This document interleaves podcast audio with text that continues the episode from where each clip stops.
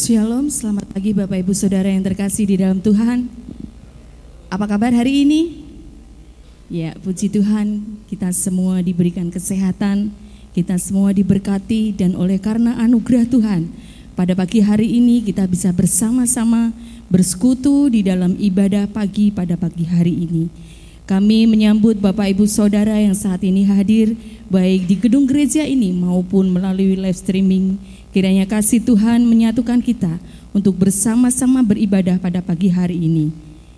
Dan saat ini saya memberikan kesempatan kepada Bapak Ibu Saudara untuk memberikan senyum sapa kepada kanan kiri, belakang dan depan Bapak Ibu Saudara. Berikan yang terbaik untuk Tuhan dan untuk Bapak Ibu Saudara. Baik, kami juga menyambut Bapak Pendeta Lazarus Puswadi STH, beliau saat ini tukar mimbar di gereja kita, beliau berasal dari GBI Lempong Sari. Dan saat ini pendeta kita Bapak Pendeta Eko Kurniadi saat ini bertugas di GBI Tandang. Bapak Ibu Saudara, silahkan untuk bisa membaca di dalam buletin yang sudah Bapak Ibu terima tadi untuk kegiatan sepekan dan pembacaan firman Tuhan dan juga laporan-laporan minggu lalu. Silakan Bapak Ibu Saudara perhatikan. Dan untuk pengumuman, bisa Bapak Ibu lihat ada tiga poin dan yang terutama telah dibuka kelas pelayanan periode bulan Juni sampai Juli 2023 baik kelas MCWL atau PI atau pembawa renungan admin keuangan, multimedia, merangkai bunga, dan pangrukti layon. Silakan Bapak Ibu Saudara yang merasa ingin dan rindu untuk melayani Tuhan dan dipakai oleh Tuhan bisa mendaftar kepada Diakon Junaidi atau Saudari Lisna. Dan saat ini ada satu pengumuman mengenang 100 hari meninggalnya Ibu Sudarmi Suraidi yang akan diadakan pada hari Selasa 23 Mei 2023 pukul 18.30 di rumah Ibu Sri Lestari dengan alamat Ngesrep Timur 5 RT 1 RW 4 belakang Yami Panda. Jemaat GBI Candi diundang untuk hadir untuk memberikan penghiburan. Terima kasih. Mari Bapak Ibu Saudara kita akan bersaat teduh kita akan menyiapkan hati kita untuk beribadah pada pagi hari ini. Mari Bapak Ibu Saudara saya undang untuk berdiri, kita akan menyiapkan hati kita memulai ibadah pada pagi hari ini. Kita tanggalkan segala pikiran yang mungkin akan mengganggu kita. Kita akan serahkan kepada Tuhan. Biarlah waktu ini benar-benar kita pergunakan yang terbaik untuk Tuhan. Mazmur 46 ayat 1 sampai 3. Allah kota benteng kita dari Bani Korah dengan lagu Alamut. Allah itu bagi kita tempat perlindungan dan kekuatan sebagai penolong dalam kesesakan sangat terbukti. Sebab itu kita tidak akan takut sekalipun bumi berubah sekalipun gunung-gunung guncang di dalam laut. Sembahlah Allah yang maha besar, tetapi saatnya akan datang dan sudah tiba sekarang bahwa penyembah-penyembah benar akan menyembah Bapa dalam roh dan kebenaran, sebab Bapa menghendaki penyembah-penyembah demikian. Sembahlah Allah yang maha besar. surga,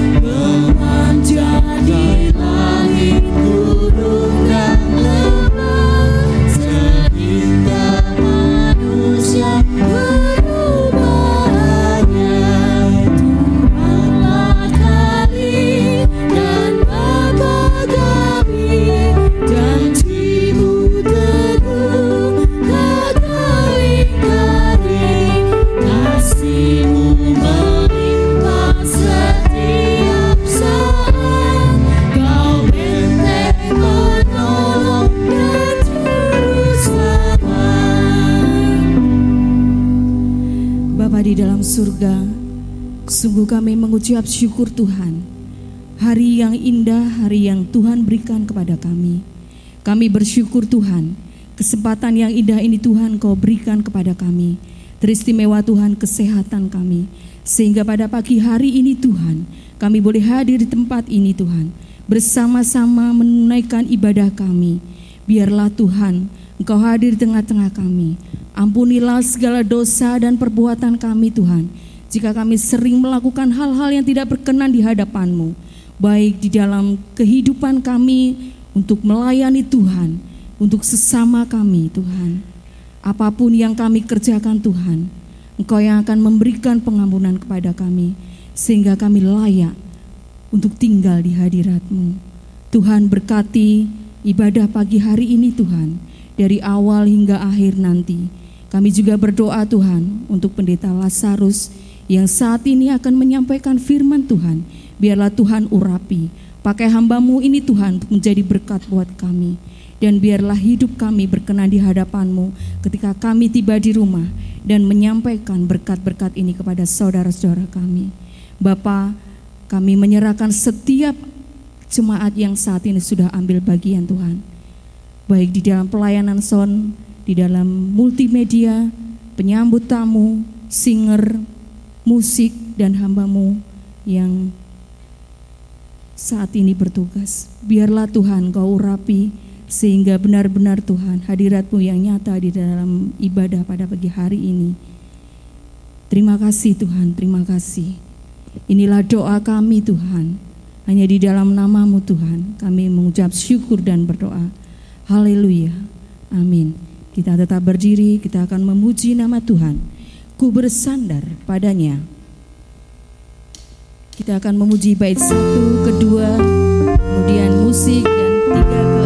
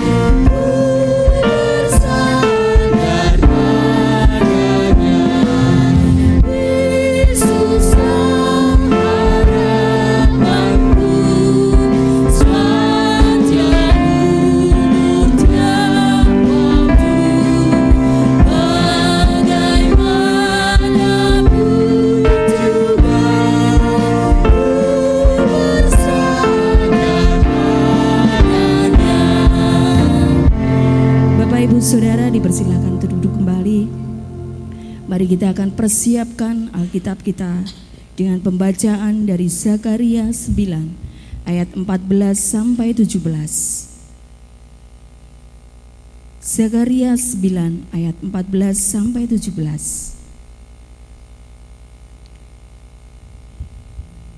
Saya bersama Singer akan membaca untuk ayat 14 ayat 15 Bapak Ibu Saudara, begitu selanjutnya sampai ayat yang ke-17. Zakaria 9 ayat 14 sampai 17. Israel dipulihkan kembali. Tuhan akan menampakkan diri kepada mereka dan anak panahnya akan melayang keluar seperti kilat dan Tuhan Allah akan meniup sangkakala dan akan berjalan maju dalam angin badai dari selatan.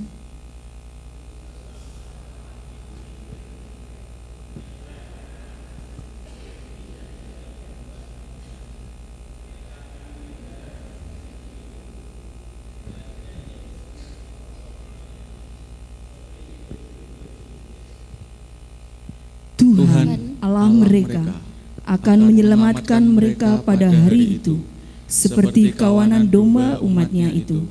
Sungguh, mereka seperti permata-permata mahkota yang berkilat-kilat. Demikianlah mereka di tanah Tuhan.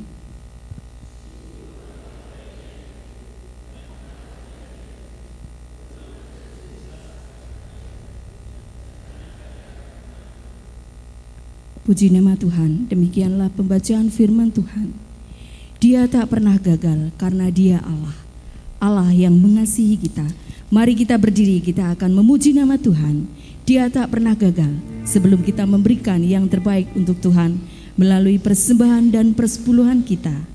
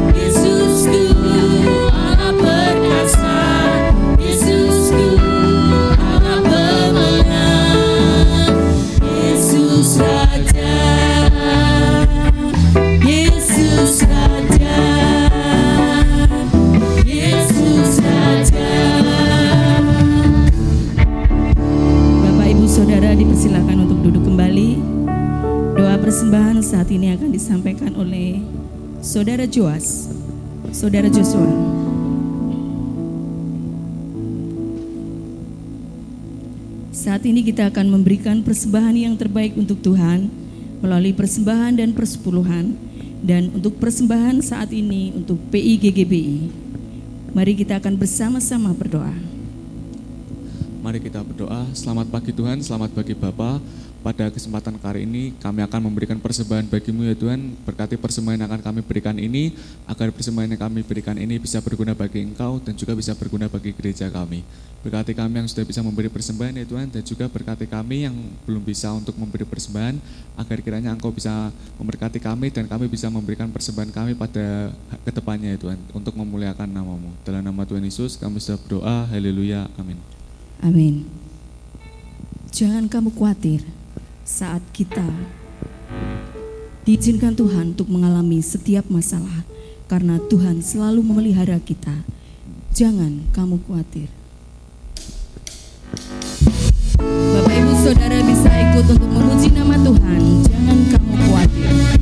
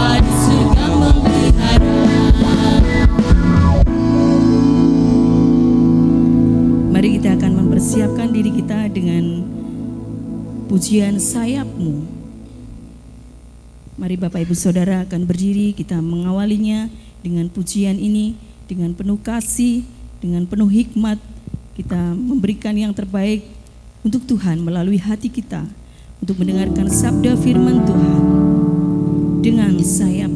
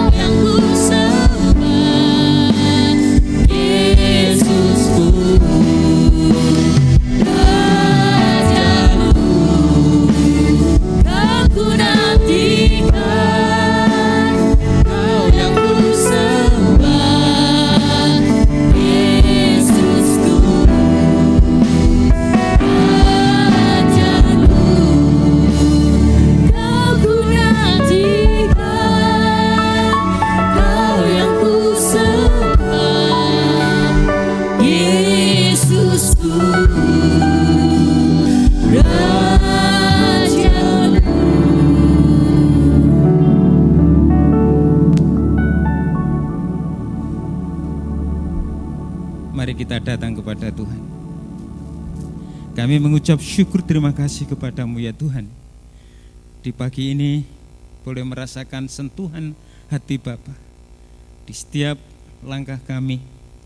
Di tengah bakti ini ya Tuhan kami datang ke hadiratmu. Kami mengucap syukur sebab Tuhan memberi kesempatan untuk kami mendengar firman-Mu. Mari Tuhan beracaralah di tempat ini Kiranya setiap kebenaran firman yang disampaikan jauh dari kesalahan karena penyertaan Tuhan begitu sempurna.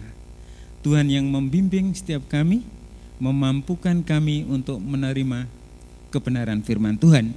Di dalam nama Tuhan Yesus kami berdoa. Amin. Silakan duduk. Shalom.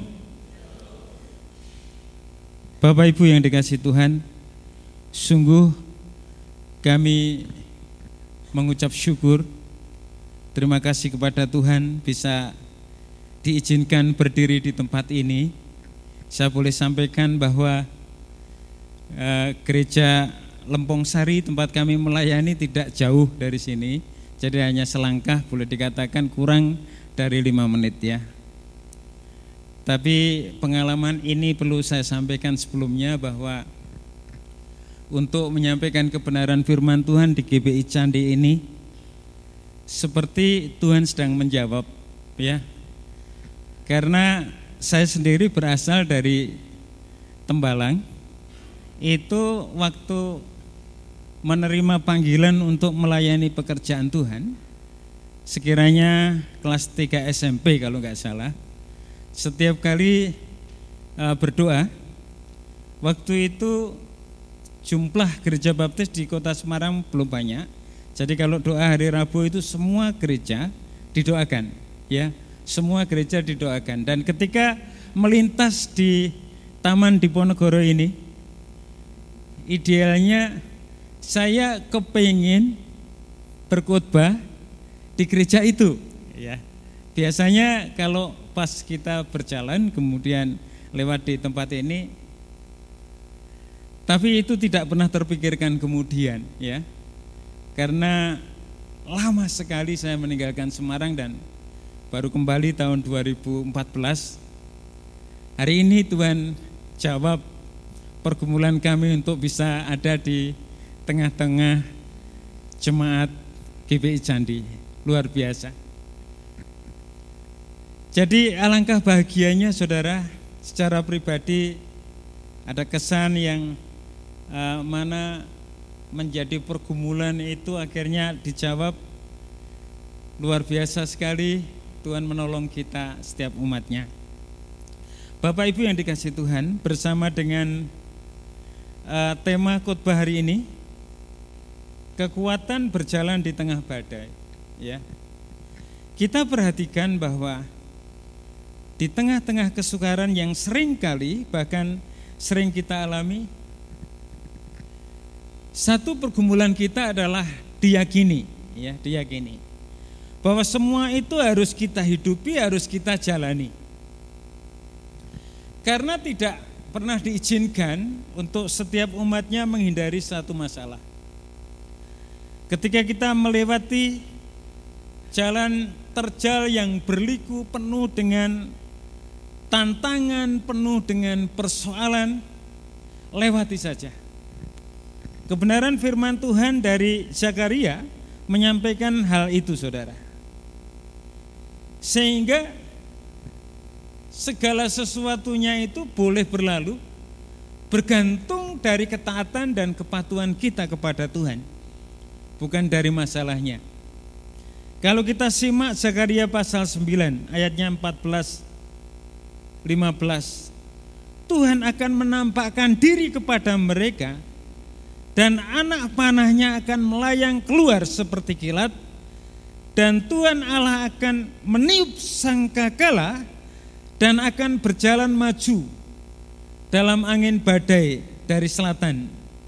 Tuhan semesta alam akan melindungi mereka dan mereka akan menghabisi dan menginjak-injak pengumban-pengumban. Mereka akan minum darah seperti minum anggur dan menjadi penuh seperti bokor penyiraman, seperti penjuru penjuru mesbah. Ayat ini dituliskan dalam dua masa. Di antaranya adalah saat kedatangan Tuhan Yesus yang pertama melalui peristiwa Natal hingga Yesus akan datang kembali nanti.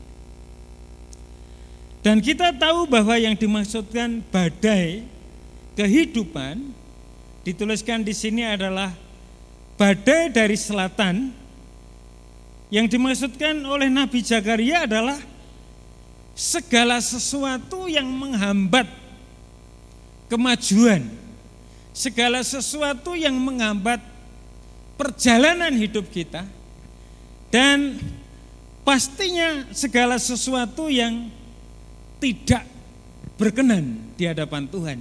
Itu dikatakannya sebagai badai hidup di tengah orang percaya Tuhan. Kemudian segala bangsa-bangsa disebutkan di sana Saudara. Mulai dari ayat 1 sampai dengan ayat 7 Kemudian secara khusus ayat 2, ayat 3 semua menceritakan tentang kepiawaian orang-orang yang ada di sekitarnya. Bagaimana satu dengan yang lain boleh menunjukkan kepintarannya. Bagaimana satu dengan yang lain boleh menyusun strategi untuk menyalahkan uh, untuk melawan badai itu dengan kemampuannya sendiri dengan ilmu pengetahuan, kemudian dengan strateginya bagaimana menyusun langkah untuk menyusun hal-hal penting supaya tambah pandai, kemudian juga cerdas, berkuasa, dan mampu menguasai orang-orang yang ada di sekitarnya. Sangkanya dengan cara seperti itu, badai kehidupannya tidak pernah ada. Padahal sebaliknya saudara, zaman ini ketika kita melihat orang-orang di sekitar kita mengatasi masalahnya sendiri dengan strategi-strategi yang mereka susun, nyatanya tidak pernah berhasil, ya, tidak pernah berhasil. Kita perhatikan juga bahwa ada kekuatan, kekayaan, kemegahan, kedikdayaan, fisik, semua yang ditunjukkan kepada orang-orang untuk bermaksud menguasai, bahkan memimpin, mengendalikan situasi dan seterusnya tidak pernah berhasil. Tapi firman Tuhan telah memberitahukan kepada kita bahwa Dia adalah sang pemilik, raja yang berdaulat. Sayangnya mereka mengenal Allah yang sejati tidak dengan sungguh-sungguh, sehingga hidup mereka menjadi tidak takut akan Tuhan, saudara. Orang yang levelnya sudah seperti ini, bagaimana bisa mereka menempatkan imannya yang tunduk, yang harus taat dan mematuhi firman Tuhan. Itu akan sangat-sangat sulit sekali. Dan saudara-saudaraku yang dikasih Tuhan, di posisi seperti itu, kata Amsal 16 ayat 25, mereka mengatakan semua kelihatan aman dan baik-baik saja ya. Tapi pada kenyataannya menuju ke jurang maut. Jadi orang yang dalam keadaan bahaya tidak selalu harus sakit terlebih dahulu. Orang yang dalam keadaan bahaya tidak harus dengan tanda-tanda yang menakutkan.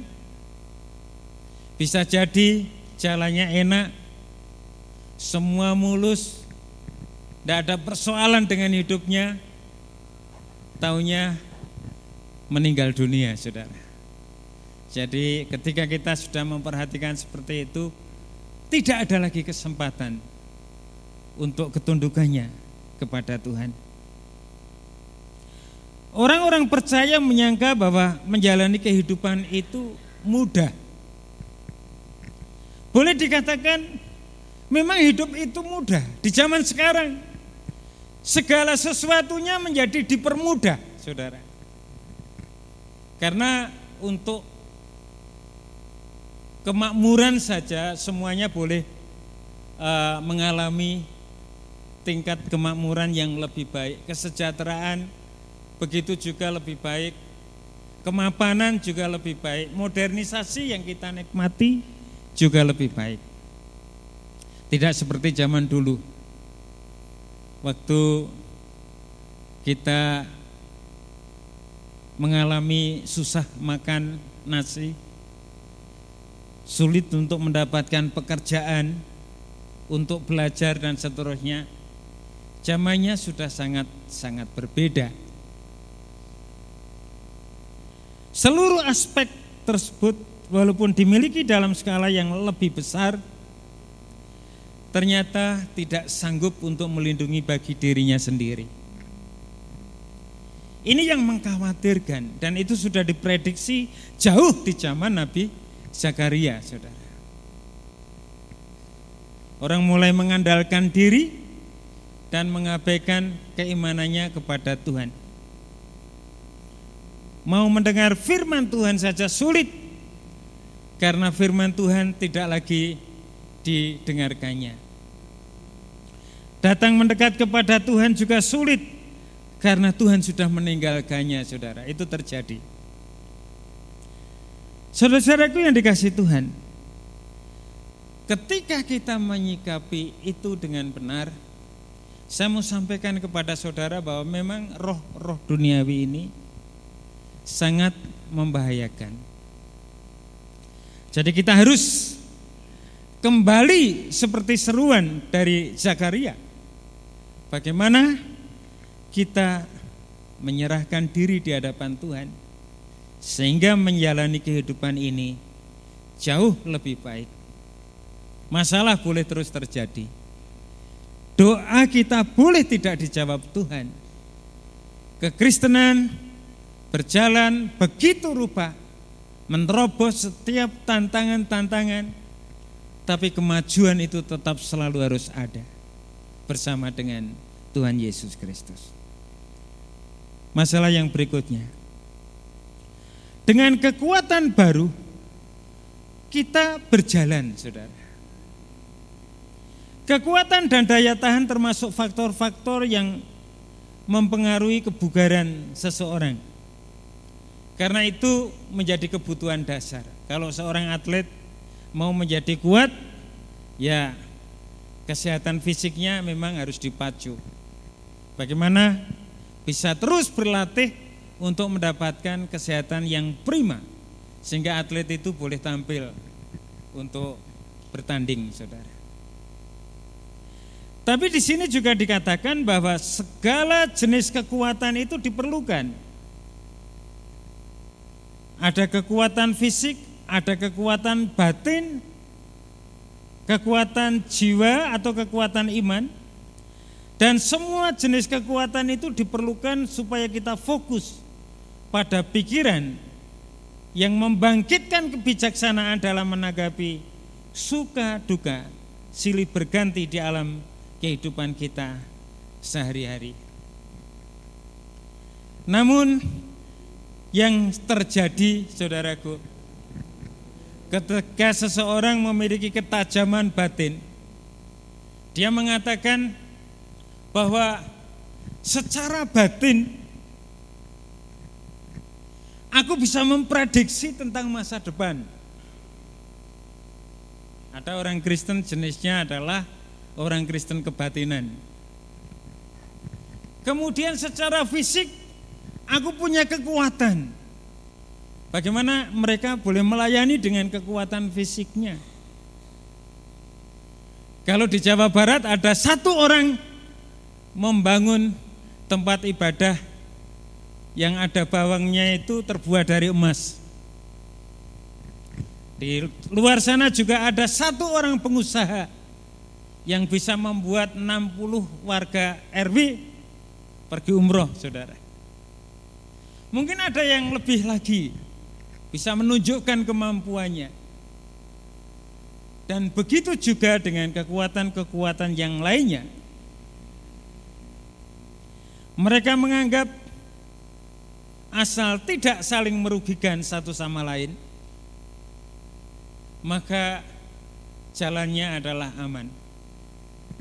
Padahal bermaksud mengelabui dan mempertunjukkan kekuatannya sendiri itu adalah sudah membuat orang lain tidak berdaya. Tapi itu tidak mereka sadari, saudara. Sekarang yang terpenting adalah hakikat dari kebijaksanaan itu. Artinya kita tidak terbelenggu oleh berbagai ketidaktahuan yang sejatinya kita miliki. Orang percaya yang hidup di dalam Tuhan harus tahu kebijaksanaan itu apa. Bagaimana kita memahami kebenaran di balik segala sesuatu yang ada di dunia ini. Sebab hidup di dalam Tuhan itulah yang akan menuntun saudara berjalan di tengah-tengah kebenaran. Jadi maksud firman Tuhan disampaikan agar saudara tidak lebih mudah berjalan di tengah-tengah kehidupan di dunia ini, tapi bagaimana kita hidup dalam kebenaran itu yang diminta oleh firman Tuhan buat kita semuanya. Bagaimana menghadirkan rasa aman itu?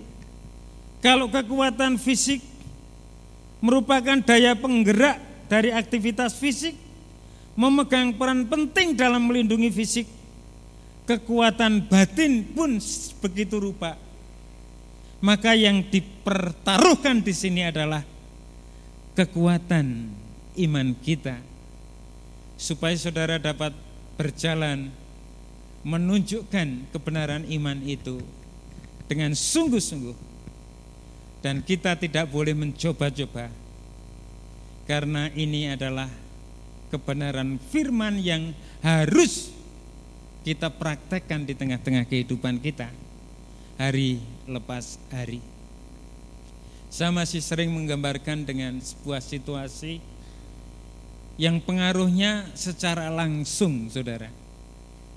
Artinya ketika saya dan saudara uh, sulit sekali untuk tidur, orang bisa mengkonsumsi obat tidur, dan itu pengaruhnya langsung akan membuat kita segera ngantuk dan tertidur. Kemudian ada obat yang lainnya yang pengaruhnya langsung seperti di iklan-iklan TV itu, ya. Kalau orang sakit kepala minum obat sakit kepala langsung sembuh. Kalau orang mengalami kesulitan apa pun serasa dengan produk-produk yang diiklankan itu dampaknya langsung ke kita.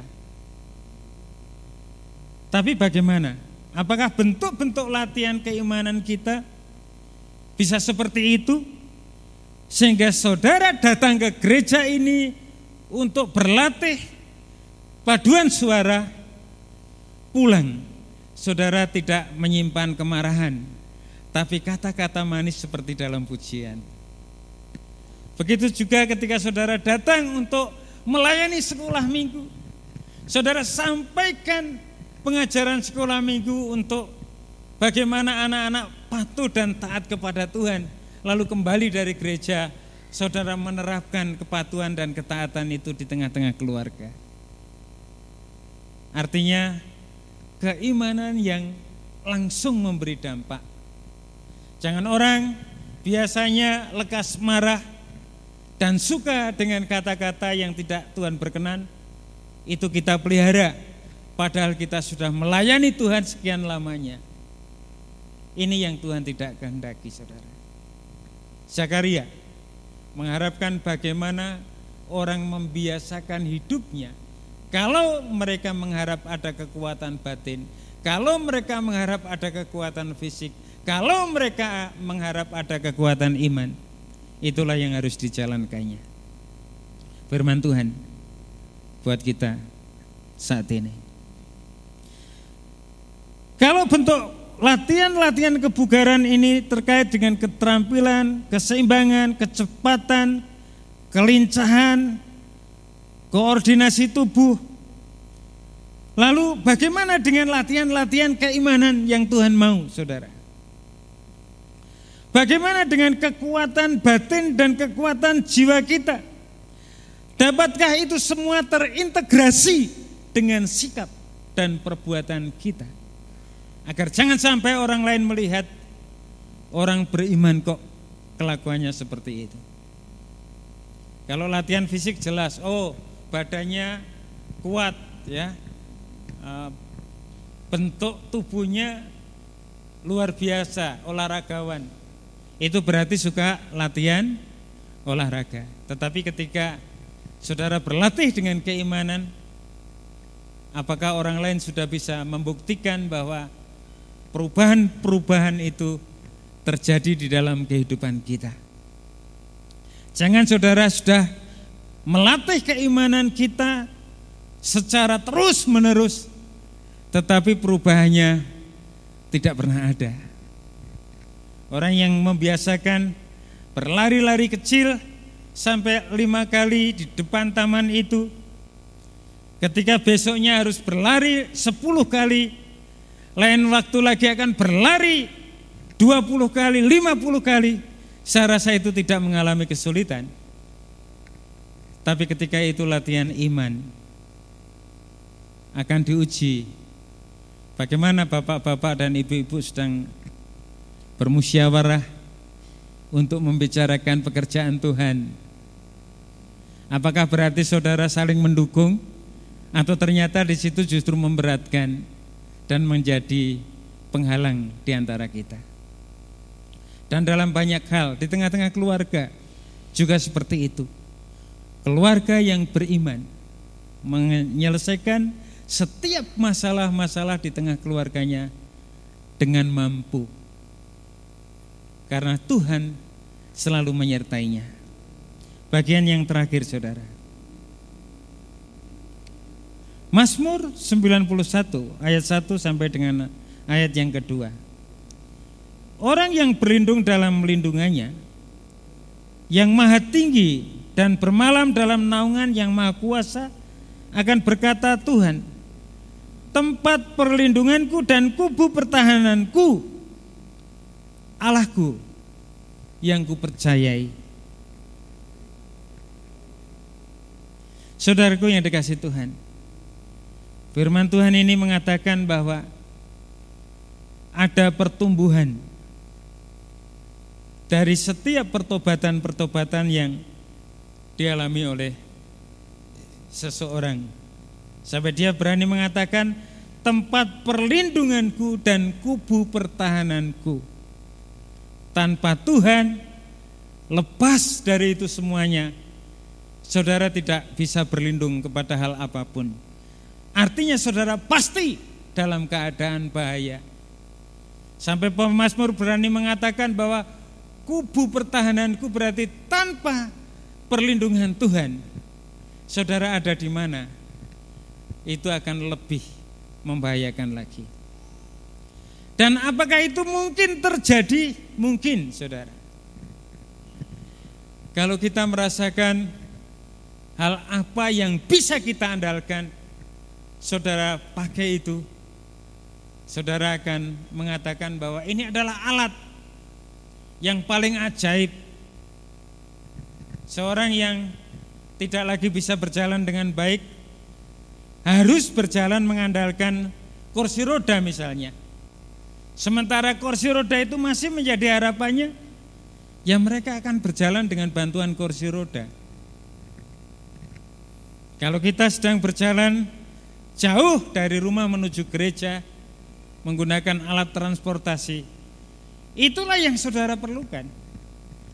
Maka begitu saudara katakan Tuhan tempat perlindunganku dan kubu pertahananku tanpa dia saudara tidak bisa berbuat apa-apa. Bagaimana kita menunjukkan kekuatan itu? Enggak ada. Berkat yang tumbuh dari pertobatan atas segala noda batin akibat sensasi dan lainnya membuat pikiran fokus membangkitkan kebijaksanaan yang menguatkan batin menjadi sempurna. Kalau saya sederhanakan luka batin itu seperti trauma. Kebenarannya seperti ini. Orang yang hidupnya dipengaruhi oleh trauma masa lalu, dia selalu akan meragukan juru selamat. Kalau dia sudah bertobat, dia selalu akan menyelesaikan semua persoalannya atas bantuan orang lain. Sehingga konotasinya tentang keyakinannya kepada Tuhan itu beralih. Dan dia selalu akan menyesali atas pelanggarannya, atas kesalahannya, atas kelemahannya, atas trauma-trauma masa lalunya. Saya sampaikan kepada saudara, sebenarnya mengingat-ingat masa lalu itu baik. Tapi hari ini saudara jangan lagi mengingat masa lalu. Mengingat-ingat pelanggaran kita itu baik. Tapi saudara jangan lagi merasa Tuhan aku berdosa itu usang. Kita sudah dikuasai oleh pikiran dan perasaan-perasaan kita. Sebabnya apa? Dari lahir baru, ketika kita percaya kepada Tuhan, saat itu juga Tuhan mulai bisa diandalkan.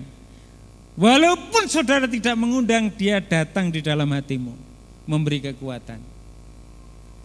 Sehingga orang-orang percaya harus yakin bersama dengan Tuhan, kita pun tidak membutuhkan pertolongan orang lain. Membutuhkan orang lain sangat boleh, tapi Tuhan jangan dinomor duakan. Ya. Yang pertama-tama harus kita percayai adalah janjinya Tuhan itu.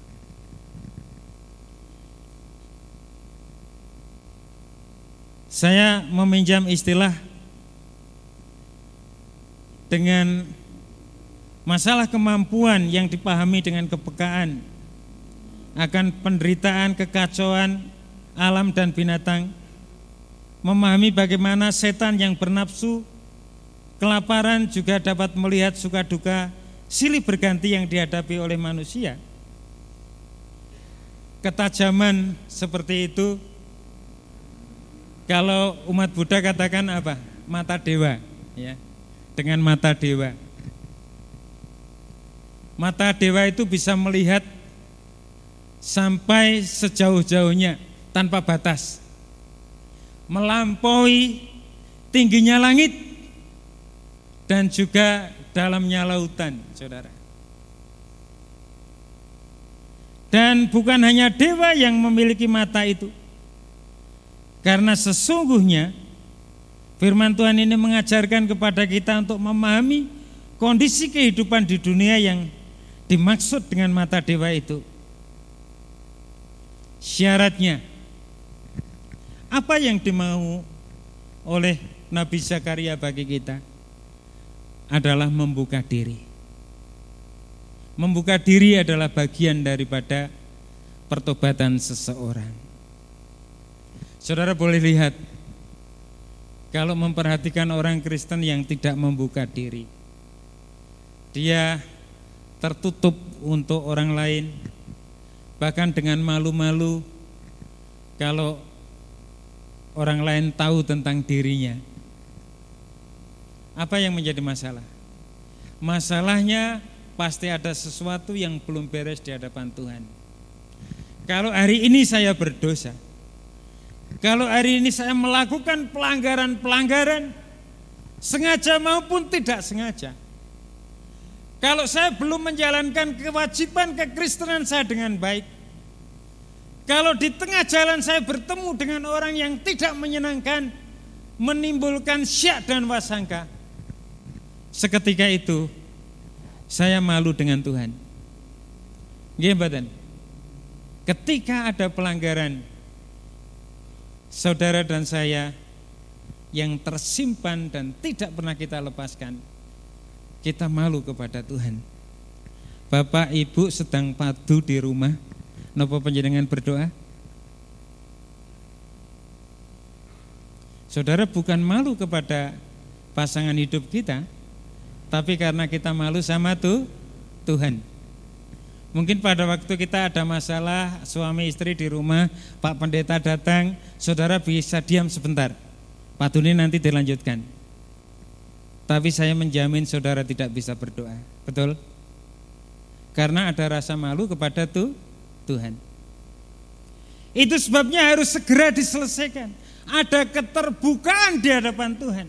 Tuhan menunggu kejujuran dan ketulusan hati kita untuk sampaikan kepada dia bagaimana sikap daripada orang-orang beriman yang terbuka itu sehingga menerima berbagai-bagai macam masukan, himbauan, pengajaran yang benar dan itu yang akan membangun keimanan kita ke depan menjadi lebih baik. Maka dari itu kalau dikatakan bahwa bagaimana caranya kita berlindung kepada Tuhan? Apakah kita punya kekuatan?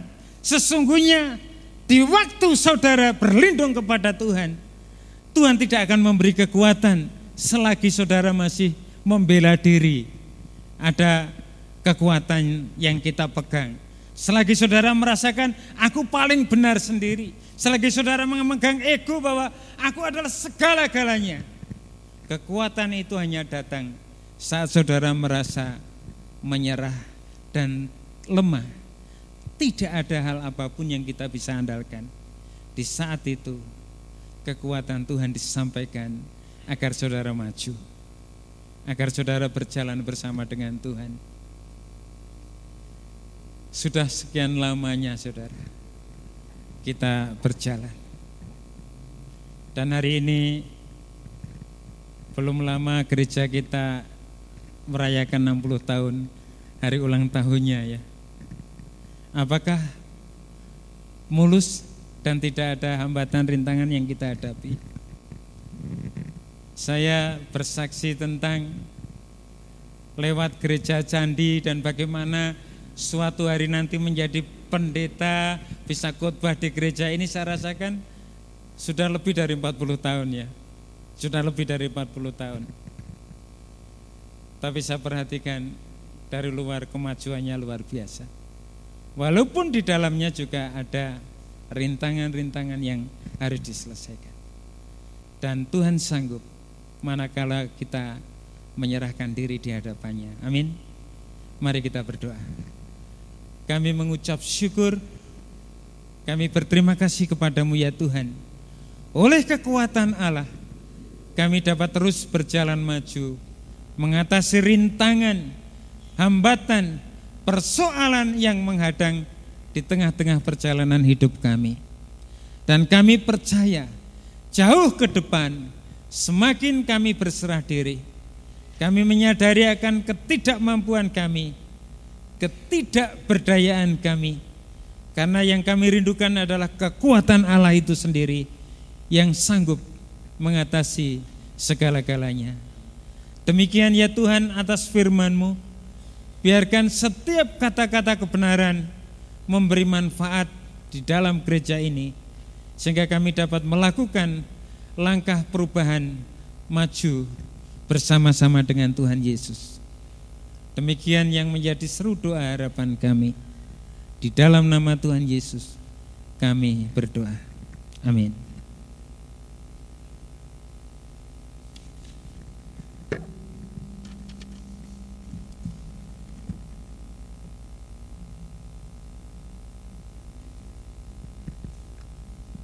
Demikianlah firman Tuhan yang disampaikan oleh Pendeta Lazarus Buswadi.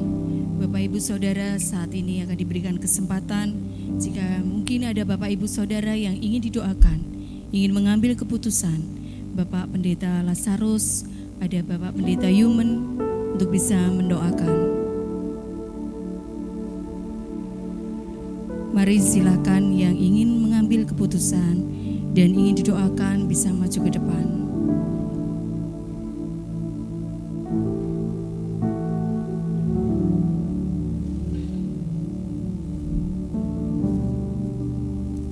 Baik, jika tidak ada, mari Bapak Ibu Saudara, saya undang untuk berdiri di kita akan mengakhiri ibadah kita pada pagi hari ini dengan kasih Bapak Pendeta Lazarus akan berdoa syafaat dan sekaligus doa berkat.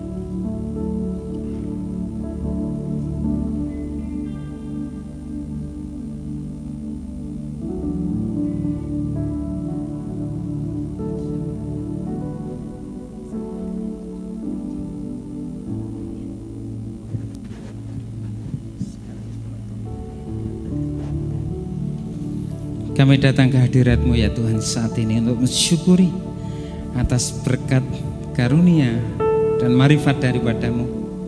Bahkan melalui khotbah kami boleh mendengarkannya ya Tuhan.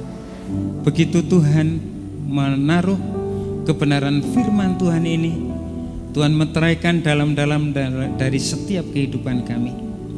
Pasti Tuhan tidak akan mengambilnya kembali. Saat ini kami bersyukur ya Tuhan kami mengingat akan bangsa negara kami. Kami memerlukan pelindungan Tuhan secara ekstra. Terkhusus untuk bangsa ini yang sebentar lagi menghadapi pesta demokrasi ya Tuhan. Biarkan semua elemen di tengah-tengah masyarakat boleh berjalan dengan aman.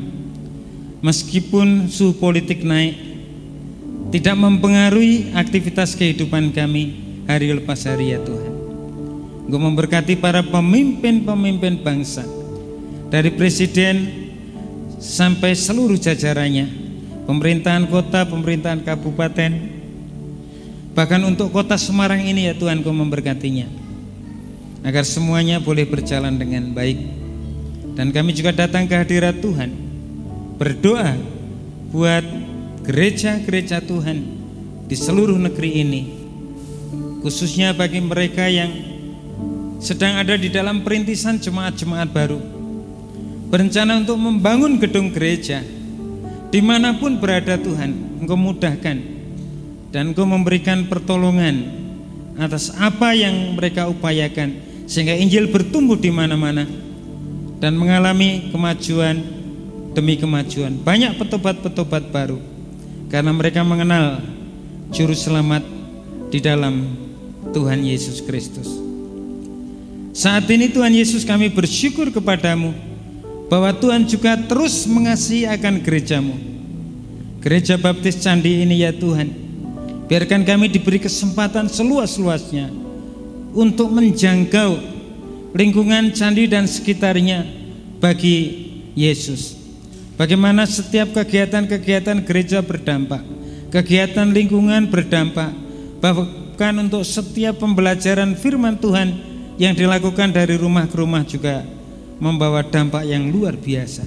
Engkau sejahterakan, Engkau berkati dan urapi setiap keluarga-keluarga jemaat. Engkau selalu menolong mereka ya Tuhan dalam usaha dan pekerjaannya, juga perbaikan-perbaikan perekonomian yang selalu mereka harapkan. Kami mendoakan untuk yang berulang tahun Pastinya Tuhan mengasihi anak-anakmu yang berulang tahun. Tuhan menolong dan menopang, mendewasakan mereka sehingga mereka mengalami perubahan yang luar biasa atas kedewasaan jasmani, rohani yang Tuhan boleh berikan bagi jemaatmu ya Tuhan. Begitu juga untuk setiap jemaat Tuhan, ibu-ibu muda yang sedang mengandung. Kasihanilah ya Tuhan tolong supaya segala jalannya selalu dipimpin oleh Tuhan sehingga dapat menjalani proses ini bersama dengan Tuhan senantiasa. Pasangan-pasangan muda yang sangat merindukan momongan, Tuhan akan berikan kedekatan untuk memperoleh buah hati yang sangat diinginkannya ya Tuhan. Dan kami percaya anak-anak kami yang masih dalam studi, Tuhan bimbing, Tuhan urapi agar segala sesuatunya boleh dimudahkan, mereka boleh mengerjakan setiap ujian, bahkan lulus dan memperoleh tempat pembelajaran setingkat lebih baik daripada sebelum-sebelumnya ya Tuhan.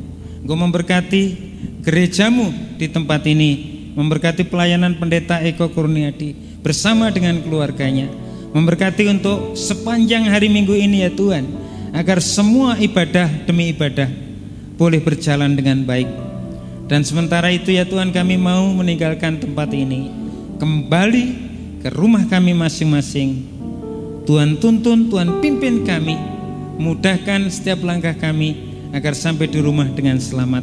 Saudaraku yang dikasih Tuhan, marilah kita datang menengadah dan meminta berkat daripadanya. Biarlah kasih karunia Allah Bapa dari ketinggian surga, kasih dari Sang Putra, Tuhan Yesus Kristus serta penyertaan Rohul Kudus mengiring engkau sekalian sekarang hingga selama-lamanya sampai saat Tuhan datang kedua kalinya. Saat Maranatha. Amin. Amin. Dengan sayapmu.